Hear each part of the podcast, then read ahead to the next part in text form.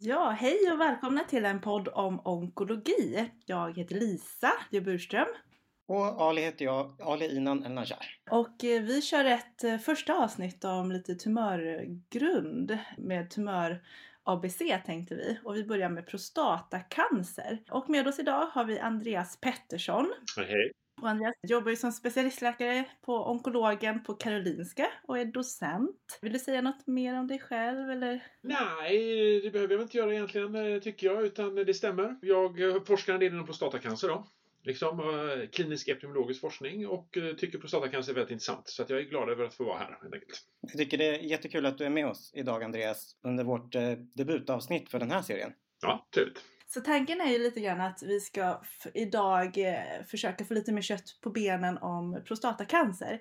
Om man tänker sig en ny underläkare eller en ST-läkare som ska börja jobba inom uro-onkologi. Att den ska förstå lite hur man ska handlägga prostatacancer och hur man ska tänka. Mm. Och då tänkte vi att vi börjar lite grann med eh, bara allmänt om prostatacancer. Epidemiologi, hur vanligt är det? Vilka är det som drabbas? Ja, det är ju vanligt alltså. Det är ju ehm, det är 10 000 män i Sverige varje år som får prostatacancer om man bara sätter det i relation till att 50 000 föds så förstår man ju liksom hur vanligt det är. Och det här eh, generellt sett i, i, i stora delar av världen, eh, framförallt västvärlden, den vanligaste cancerformen bland män. En och en halv miljon människor tror jag drabbas ungefär 1,4 miljoner varje år eh, i världen. Så det är liksom en, en, en, stor, en stor vanlig cancerform. Och eh, det, är, det blir också en, en allt större grupp av canceröverlevare också. Så det är inte bara många som, som blir sjuka i prostatacancer utan det är också många som har eller, eller har haft sin, eh, eh, en prostatacancer. Så det är liksom på, i, i bara Sverige tror jag det är någonstans 120 125 000 patienter som lever med prostatacancerdiagnos. Så att det är liksom, det är en stor grupp, det är en, en närmast en folksjukdom skulle jag säga, helt enkelt. Hur, hur, hur vanlig den är. Eh, sen, sen vi pratade om, risk, eller ni om riskfaktorer också. Mm. Finns, är det några speciella riskfaktorer som gör att en viss grupp drabbas mer av prostatacancer? Nej, alltså det där, det, prostatacancer är ju notoriskt um, jag, man, det har studerats mycket och man vet väldigt lite skulle jag säga. Speciellt i förhållande till hur mycket man har studerat prostatacancer. Det är ju eh, klart liksom starkt kopplat till ålder. Risken att få prostatacancer ökar kraftigt med åldern. Och, och man brukar ju säga någonstans att det liksom mer än hälften av så gammal du är så många har prostatacancer. Så är du, är du liksom 60 så är det kanske en tredjedel ungefär som har prostatacancer. Är du 80 så är det snarare 50% av alla 80-åringar som har prostatacancer. Så att det är ju, den ökar kraftigt med åldern och blir också väldigt vanlig med hög ålder. Sen är det, är det inte så mycket mer man vet. Etnicitet. Afroamerikaner till exempel i USA, eh, Karibien och sådär. Hög risk för att utveckla prostatacancer. Skandinaviska män har en hög risk. Eh, asiatiska delen har en, en betydligt lägre risk av världen. Eh, och sen är det ju familjehistoria då, alltså att man har Eh, en bror till exempel som har prostatacancer, de har två, tre gånger högre risk. En pappa kanske två gånger högre risk att drabbas. Men sen när det gäller livsstil så vet man väldigt lite. Man läser ofta till exempel BMI och rökning och sådär, men att säga att det är helt fastslaget skulle jag inte göra. Det är hypoteser som det finns en hel del stöd för, men, men det är inte helt fastlagt. Det är väl mycket som talar för att det är någonting i den, i den västerländska liksom, livsstilen. Ofta kanske man pratar om mycket rött kött eller mycket eh, eh mjölkprodukter och så som skulle vara en riskfaktor. Men det där är inte fastslaget. Och samtidigt är det så att det är ju svårt alltså att studera prostatacancer riskfaktorer eftersom om man ska göra det idag väldigt, en, en väldigt, väldigt stark faktor kopplat till att diagnostiseras med prostatacancer är att man PSA-testas. Eh, så att det är ju lätt att man istället studerar faktorer som är associerade med PSA-testning helt enkelt. Så att eh, kanske är det så att folk som lever väldigt hälsosamma livsstilar de också testar sig med PSA. Så helt plötsligt kan det se ut som att en, en, en hälsosam livsstil istället är riskfaktor för, för att få sjukdomen och så. Så att det här fältet är liksom notoriskt svårt skulle jag säga att eh, studera. Därför att det är också så svårt att liksom koppla bort de här faktorerna eh, som, som skiljer PSA-testning från faktisk risk för sjukdomen. Då. Och dessutom, eller det, det, man har gjort då för att försöka komma åt det här på olika sätt har ju också varit att man har försökt studera eh, olika man har liksom, istället för att säga att vi studerar eh, risk att utveckla prostatacancer så säger man vi studerar risk för att utveckla kliniskt relevant prostatacancer. Och så definierar man det på något sätt. Till exempel en hög Lisongrad eller eh, att man dör av prostatacancer eller att den sprids eller något sånt där. Men, men man förstår ju här hur liksom komplext det blir eh, helt enkelt. Så att, så att förhållandevis lite, men någonting sannolikt i den, i den västerländska eh, livsstilen är inte bra och då är väl ändå rött kött, mycket mjölkprodukter, eh, det som får anses vara ligga liksom högst upp på listan. Har man infört nu eh, screening för prostatacancer runt om i hela landet? Eller hur ligger vi till i den? Ja, jag, nej det har man inte gjort. Man, man har ju inte valt att eh, införa en, en, nationell samlad screening för prostatacancer. Eh, det man har infört mer och mer den så är, är, en mer strukturerad testning av prostatacancer då, som man kallar det. Och det där gör regionerna lite olika det är liksom inte helt eh, ett nationellt att man gör precis likadant i hela Sverige. Så att eh, olika regioner har gjort olika och gjort olika länge. Vi i Stockholmsregionen nu, vi börjar, har, nyligen börjat med det för män som är över 50. Eh, och jag tror att i andra regioner, jag tror Västra Götaland har gjort det några år och så. Så att det här är den här, den här organiserade testningen, OPT som den kallas, organiserad prostatacancertestning, den liksom rullas ut på olika sätt i Sverige kan man säga. Men, men samtidigt, det är inte heller precis hur den går till är jag inte, jag är inte expert på det helt enkelt. Men det är på gång. Så det är en stor grej liksom inom, eh, inom prostatacancer Sverige. Man har ju hört, kunnat följa den debatten ganska länge. Det har ju varit mycket diskussioner om PSA-screeningens liksom vara och icke vara. Men man funderar liksom ibland att vi diskuterar här i Sverige. Vet du Andreas hur det ser ut liksom internationellt? Finns det länder där man har någon etablerad sån screening och är, är nöjd med det? Eller har man någon förebild man tittar på? Alltså den stora förebilden i, i de här sammanhangen generellt sett är ju USA. Liksom. Och deras eh, taskforce eh, för eh, när det gäller screening har ju inte, rekommenderar inte screening. Och det går några år tillbaka när det gäller eh, Eh, när, när, resultaten kom från de stora screeningstudierna som, som liksom inte tydligt visade att, att screening var bra då med de metoderna man använder av PSA-screening. Det är ju liksom det stora föregångslandet där man helt enkelt inte har det och Eh, sen eh, precis hur det ser ut i olika länder, jag kan faktiskt inte, jag kan inte svara på det ordentligt. Jag vet inte hur, eh, hur eh, skrivningen går till i, i, ehm, i, i andra länder. Ehm, eh, på ett liksom eh, rakt av. Men, men det här är ju liksom en ständigt diskuterad, debatterad fråga kan man säga. Och Eh, någonstans så är det väl så att de flesta är väl också överens om att den här typen av ostrukturerad screening man har, eller opportunistisk screening, har, har många nackdelar. Eh, så att, att på något sätt försöka styra upp det här är ju absolut eftersträvansvärt, även om det är svårt. Liksom. Och personligen tycker jag att det är väl alldeles utmärkt om man kan försöka testa lite olika metoder och komma fram till den, den som man tycker är bäst.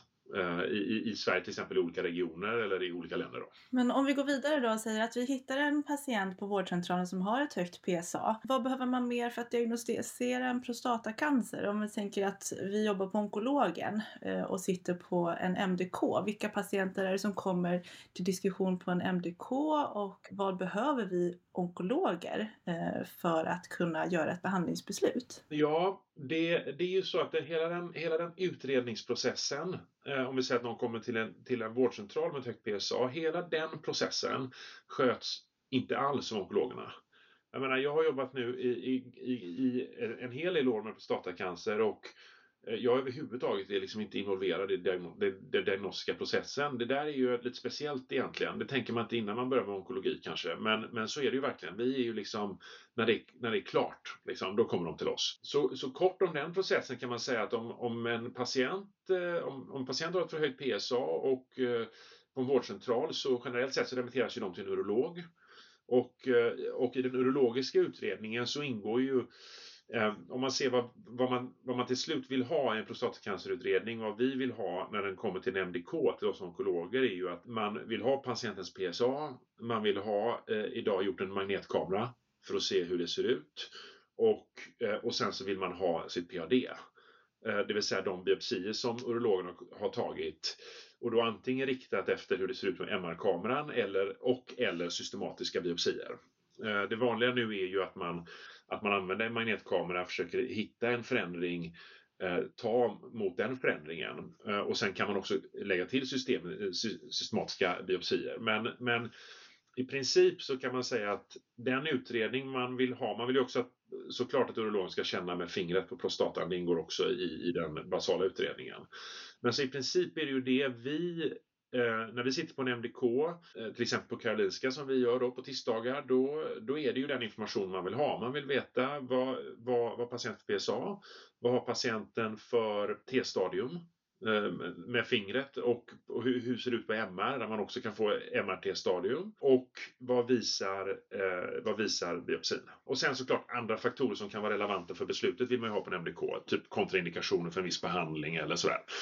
Eh, komorbiditet och så. Men, men ur ett prostatacancerperspektiv så, så är ju kliniskt stadium, ehm, PSA och Gleason det man framförallt vill ha. Och när man har konstaterat att, eh, att patienten har en prostatacancer och man har gjort de här liksom, grundläggande delarna i utredningen.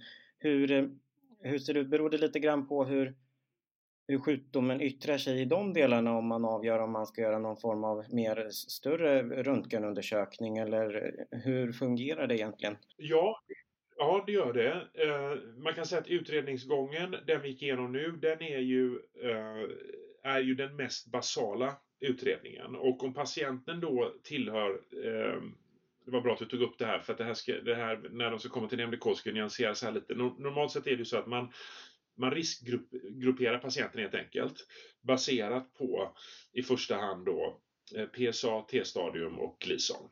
Och är du då en låg mellanrisk så i princip hamnar du inte på en MDK idag inom prostatacancer.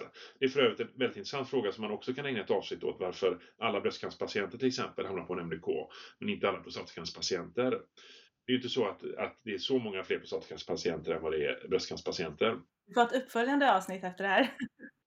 Ja, men det är det. Men det, för det tycker jag personligen är en intressant fråga. För det, det tror jag speglar mycket mer än, än Eh, det speglar en massa olika saker som är intressanta att diskutera. Men hur som helst. Eh, ja, tillhör man då mer högrisktumörerna då, då vill man komplettera den här utredningen med eh, skint eh, och, eh, och ofta skint och DT då.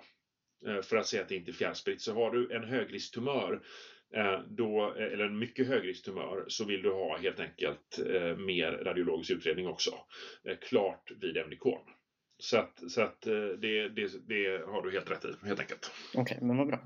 Om man då konstaterar att vi har en prostatacancer, en högriskprostatacancer som tas upp en NDK.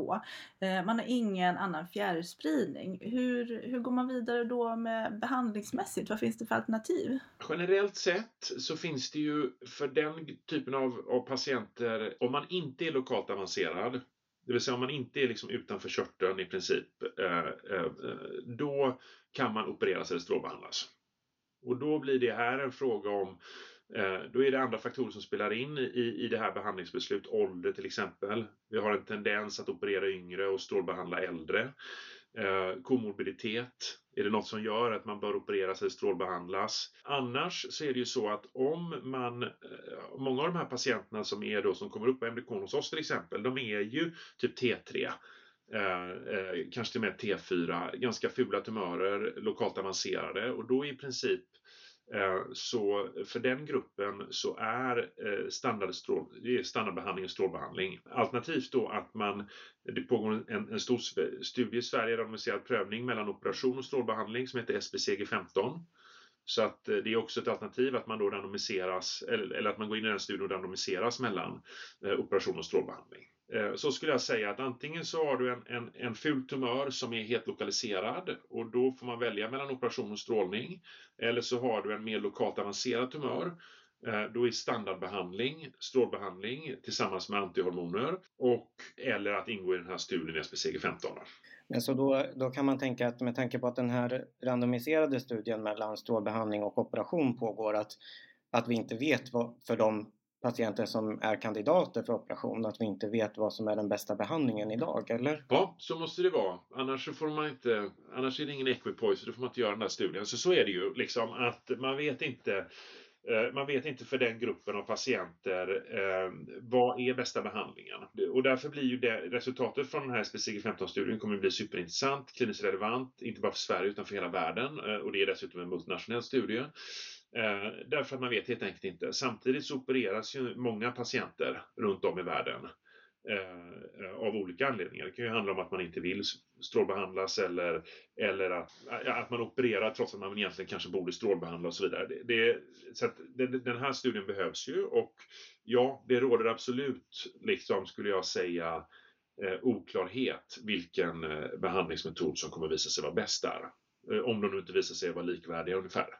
Vilket, vilket eh, ju inte alls är omöjligt helt enkelt. Vet vi ungefär när vi kan tänkas få resultat från studien? Ja, men det kommer dröja, det kommer dröja några år till. Den är inte färdigrekryterad ännu. Det ska in 1200 patienter i studien och eh, jag, jag vågar inte säga exakt hur många som är rekryterade, men säg då att 800 är det. Jag skulle tro att det är fler, men jag, men jag är inte säker.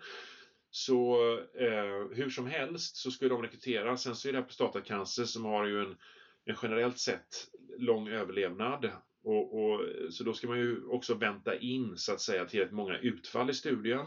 Det kommer ta tid. Samtidigt är ju det här en högriskgrupp.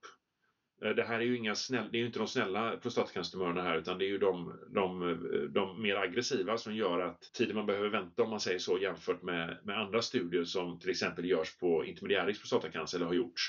Den kommer ju vara kortare. Så att jag skulle tippa, jag vet inte, när man kan få första riktiga data någonstans om mellan eh, ja, mellan fem och tio år kanske. Spännande med resultatet i alla fall. Ja, det kommer, bli, det kommer bli väldigt spännande. Och det kommer också vara spännande mycket innan dess. Det kommer vara spännande. Livskvalitet, massa saker blir spännande liksom att få reda på. Eh, så att, ehm, ja, så är det. Om man tänker biverkningsprofilmässigt, finns det någonting som, vad, vad är det för skillnad då mellan operation och strålbehandling? Bara väldigt kortfattat. Ja, jag skulle säga att den stora, stora skillnaden är ju att liksom ehm, strålbehandlingen har ju mer inkontinens, alltså urininkontinensbesvär. Få liksom eh, analbesvär, rektalbesvär. Den har mer inkontinensbesvär när det gäller eh, urin. Och, och har ju också, eh, speciellt om man inte kan genomföra nervsparande kirurgi, eh, impotens eh, eller erektionsbesvärs eh, eh liksom biverkningar. Det, strålbehandlingen har ju mer har ju inte mycket läckage liksom, utan mer irritativa besvär. Och inte bara från urinblåsan då utan också från ändtarmen där man kan få strålproktit och annat. Och, eh, men men när, det, och när det gäller erektionen så har även eh, strålbehandlingen den biverkan.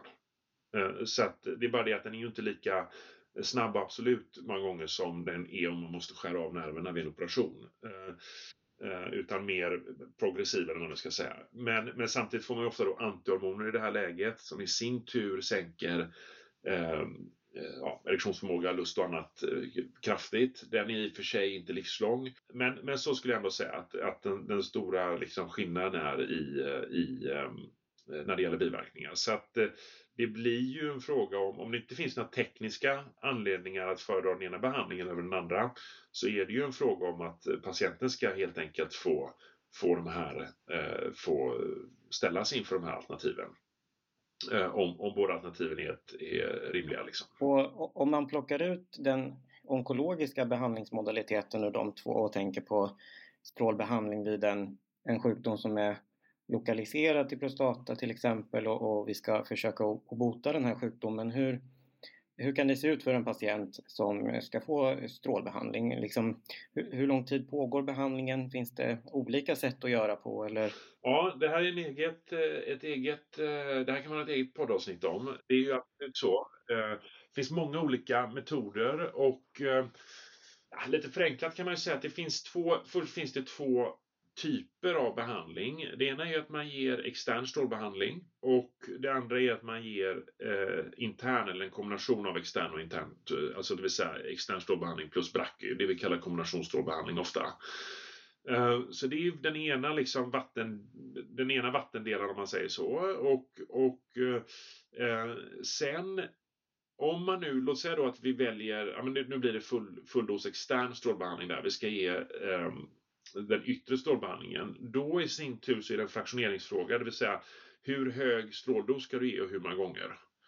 Så då kan man ge mycket hög dos ett, ett fåtal gånger eller en lägre dos många gånger. Det betyder att den här behandlingen kan ju, den kan ju vara liksom, den kan ju vara så kort som bara en handfull gånger i princip och, eh, eller liksom 25 gånger eller mer. Så, att, så att det är liksom en, en, så det är ett stort spann här i både behandlingslängd och, och behandlingstyp kan man säga. Eh, prostatacancer av olika anledningar har passat för att eh, ge de här hypofraktioneringarna, det vill säga ge höga doser få gånger. Eh, och eh, det gör att det är ju nu en, en, ehm, eh, en standardbehandling i flera delar av Sverige. Eh, efter, efter den här hypofraktioneringsstudien som man, som man drev upp från eh, Umeå om inte jag har, om inte jag har fel. Som, som eh, nu liksom ligger till grund för att, att man ger då den här kraftiga hypofraktioneringsmetoden ganska mycket.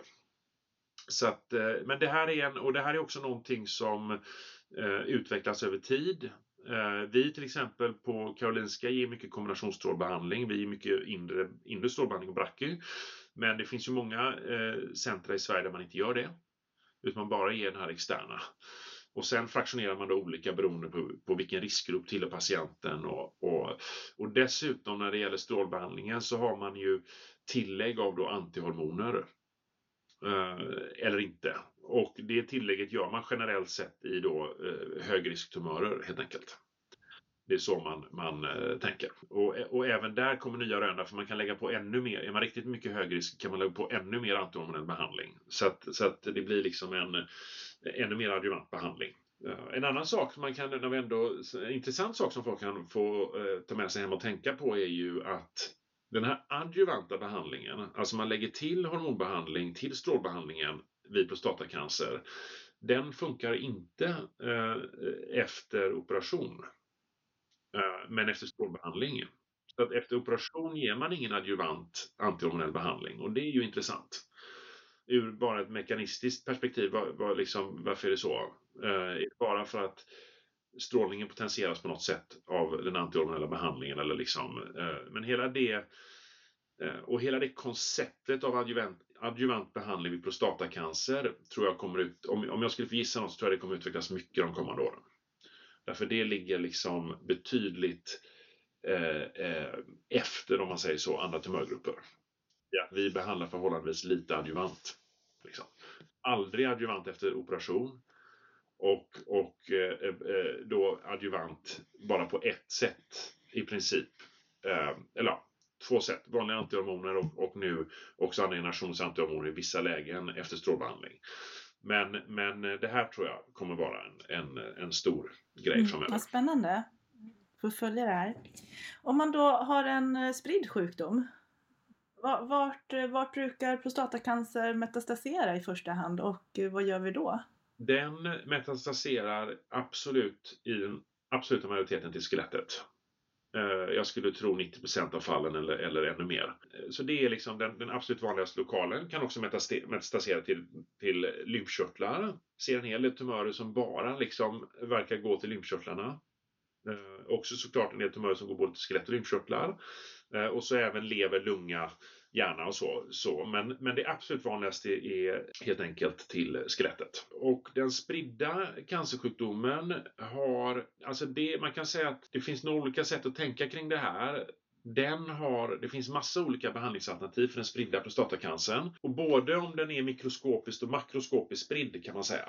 Så, så det här blir ju liksom kanske inte, det görs kanske inte så bra på radio. Man skulle behöva liksom rita upp det här på ett, på ett eh, något liksom, på något schematiskt bra sätt. Men, men i princip kan man ju säga så här att en cancer eh, som är, en prostatacancer som är spridd kommer ju antingen synas den är spridd på röntgen och vara makroskopiskt spridd eller inte och vara mikroskopiskt spridd. Liksom. Och sen kan den också antingen vara kastrationskänslig eller hormonkänslig som den då är i början. Helt enkelt att om du eh, om du eh, kastrerar en patient så kommer eh, prostatacancern svara PSA går ner helt enkelt. Eh, och sen kan den också vara kastrationsresistent i ett senare stadium. Och i, i alla de här fallen så behandlar man lite olika och man har liksom eh, stöd ifrån vetenskapen att göra eh, olika behandlingsalternativ kan man säga. Och, och, vi kan gå in på det mer i detalj hur man gör olika grupper om ni vill.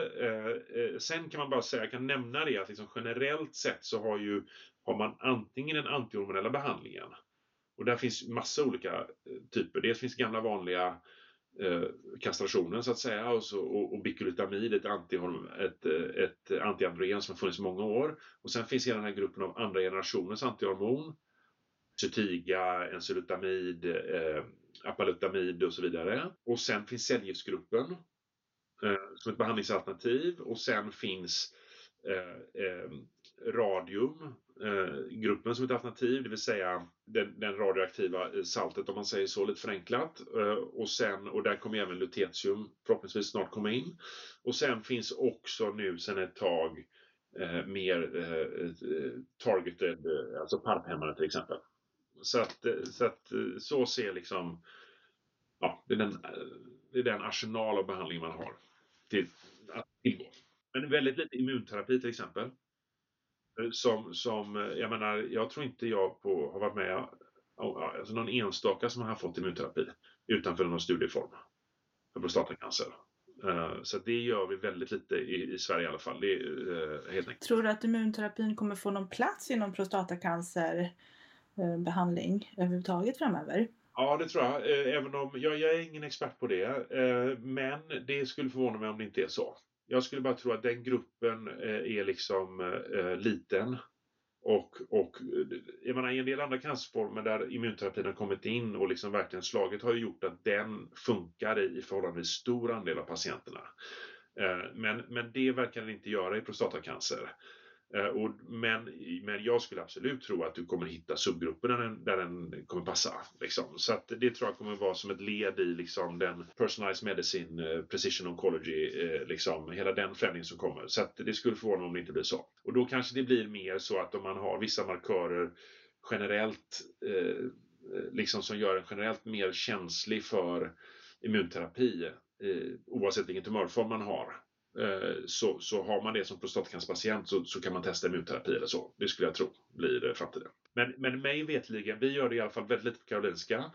Och jag vet inte om någon gör det i Sverige i någon utsträckning att tala om. Det, det tror jag inte. Immunterapi eh, i, i någon form av standardbehandling, det tror jag inte. Mm. Nej, det tror inte jag heller. Men om man sammanfattar lite grann vad vi har pratat om. Så vi har pratat om den eh, lokaliserade sjukdomen när man inte har metastaser. Eh, att då är det framförallt operation och strålbehandling med tillägg till eh, hormonbehandling, adjuvant och efter strålbehandling. Och sen så den metastaserade sjukdomen så har vi kastrationskänslig fas och kastrationsresistent fas. Eh, och då fanns det de här olika behandlingsgrupperna som du pratade om med eh, hormonbehandling, andra generationens eh, androgen blockad. Eh, vi har cellgifter, vi har eh, Sofigo eller radiumbehandling och nu det senaste då PARP-hämmare för BRCA-muterade eh, prostatacancerpatienter. Om man framtidsspanar lite grann, vad tycker du och vad tror du kommer vara liksom det nya inom prostatacancer? Ja, eh, det är ju väldigt intressant. Jag tror några saker kommer hända. Jag tror att om man ser det liksom i, ett, i ett kortare perspektiv. Dels så, eh, så kommer man... Alltså det som har hänt, liksom, tycker jag bara i alla fall man kan se under ja, de senaste åren om man säger så här, det är att man ger mer behandling, man ger mer behandling tidigt. Liksom. Det, man förskjuter hela tiden behandlingen tidigare i sjukdomsförloppet. Så att andra generationens antihormon, det, det är liksom, när jag började, när jag kom till, eh, jag menar, någonstans 2015 kanske jag var på ST på uroonk. Ja, men då var det kastrationskänslig, metastaserad kastrationskänslig, eh, förlåt, kastrationsresistent sjukdom. Liksom. Nu ges ju det adjuvant eh, om du är väldigt, om du har en väldigt ful tumör Liksom, tillsammans med strålbehandlingen. Det, är ju bara, det, det har liksom bara sjukt, och, och menar, alla steg däremellan man kan tänka sig. Uh, så det är, den ena, det är det ena. Liksom. Det andra är mer och mer kombinationer av behandlingar. Det vill säga man kombinerar liksom eh, det med cellgifter eller med parphämmare eller man, på något, man, ger, man, går, man attackerar flera axlar. Eh, så det, det, är ju två, eh, liksom, tycker jag, trender som jag tror bara kommer fortsätta helt enkelt. Det man gärna skulle vilja se där Eh, är ju att det kommer in nya mekanismer och nya så att man liksom inte, man blir ju hela tiden lite rädd som kliniker också att, att säga, bränna av all behandling för tidigt. det är, det är ju det som liksom intuitivt så tar du emot att liksom alldeles för tidigt sätta igång all behandling. Samtidigt så tyder ju all data på att patienterna lever längre så man måste ju liksom hålla, man måste ju tänka efter här, hålla tungan rätt i mun. Eh, men det är i alla fall, det tror jag kommer komma. Sen så är det ju nya, Eh, eh, jag tror parphämmare kommer på olika sätt komma in och få eh, ett större, större genomslag i gruppen. Jag tror att man kommer ehm, Eh, man kommer också, det kom, de här som har fått mycket behandling, de tumörerna, alltså fått flera inspelning. Ofta har man ju då fått andra generations antihormon och sen så har man fått cellgifter i flera olika omgångar och sen så kanske man har fått eh, Sofigo, alltså radium. Eh, där, liksom, det, ja, nu dels har man då pallpepparna på gång in, men sen där tror jag också att där kommer det, man har massa annat där som, som sker, att du får en evolution av tumören. Den blir mer, du har mer till exempel neuroendokrin differentiering som har liksom eh, eh, selekterats fram under behandlingsprocessen. Så man borde mer kanske ta nya biopsier och ändra behandlingsstrategi i ett senare skede.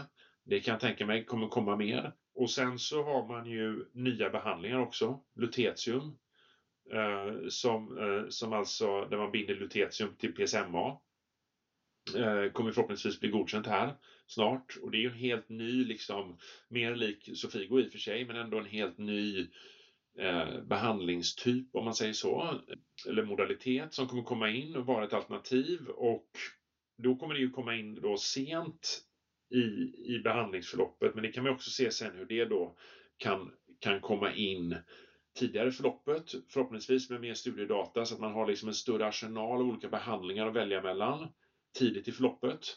Och när man väl har ytterligare en tid till förloppet, ja men då kan man helt, alla de här kombinationerna, då kan man liksom börja forska om på dem, om man säger så. Så kan man hitta ännu smartare kombinationer av de här och på så sätt så liksom utvecklar man eh, hela behandlingsfältet. Som gör att, jag menar, självklart är det roligare ju fler ju fler läkemedel som kommer in, men, men, det, men det räcker ju med ett här om man tänker på hur mycket man då helt plötsligt kan börja om vi säger att man får in lutetium också eller, eller ett annat läkemedel och man kan börja behandla tidigare med det eller parphämmare eller så att man har då får man helt plötsligt en mängd olika behandlingskombinationer som är möjliga.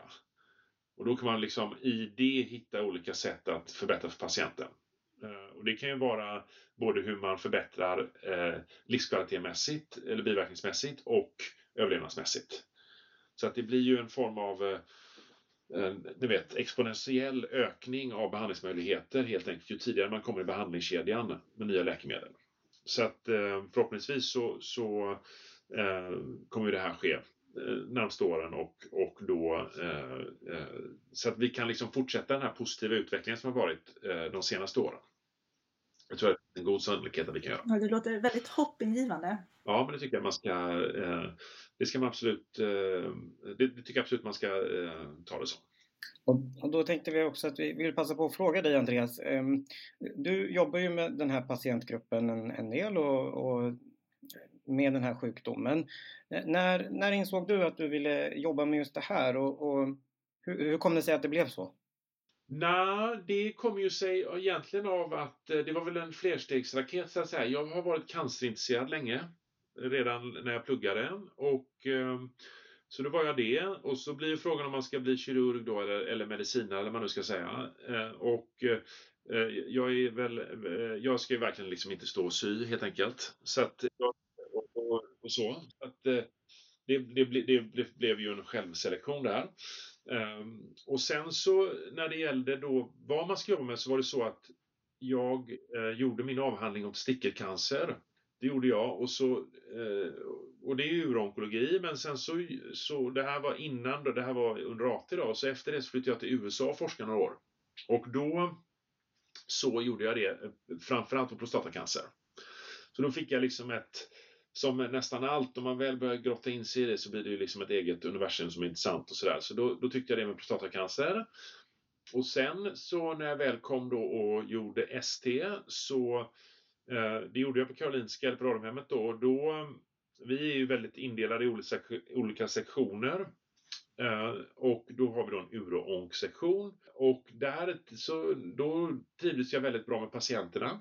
Jag, jag, liksom, eh, jag tycker de är jag vet inte vad man ska säga, men, men, men jag trivs med patientgruppen och sen så eh, trivdes jag väldigt bra med kollegorna. Så då var det liksom inte så himla mycket, då, då kändes det som att eh, det blir, det, då, då, var, då hittar man någon sweet spot där. Så, att, då blev Uh, så, det, så jag började där direkt efter jag blev klar med SD och, uh, och har varit på Uronk. Då. Mm. Du hittade hem där helt enkelt? Jag hittade hem där, precis. Många faktorer som klickar rätt. Ja, ja, men eh, jättebra Andreas. Om man då tänker dig att man ska sammanfatta allting med två meningar till en ST-läkare som ska börja träffa prostatacancerpatienter. Har du något take home message eller något tips inför placeringarna? Jag tycker så här att det man liksom ska försöka göra är att man ska liksom, det är en grupp man ofta kan skynda långsamt på och försöka få till det rätt. Därför det är en grupp som i alldeles för stor utsträckning skulle jag säga antingen underbehandlas eller överbehandlas. Det, är liksom all, det, det, finns en stor potential att driva in många mer i liksom korrekt behandling.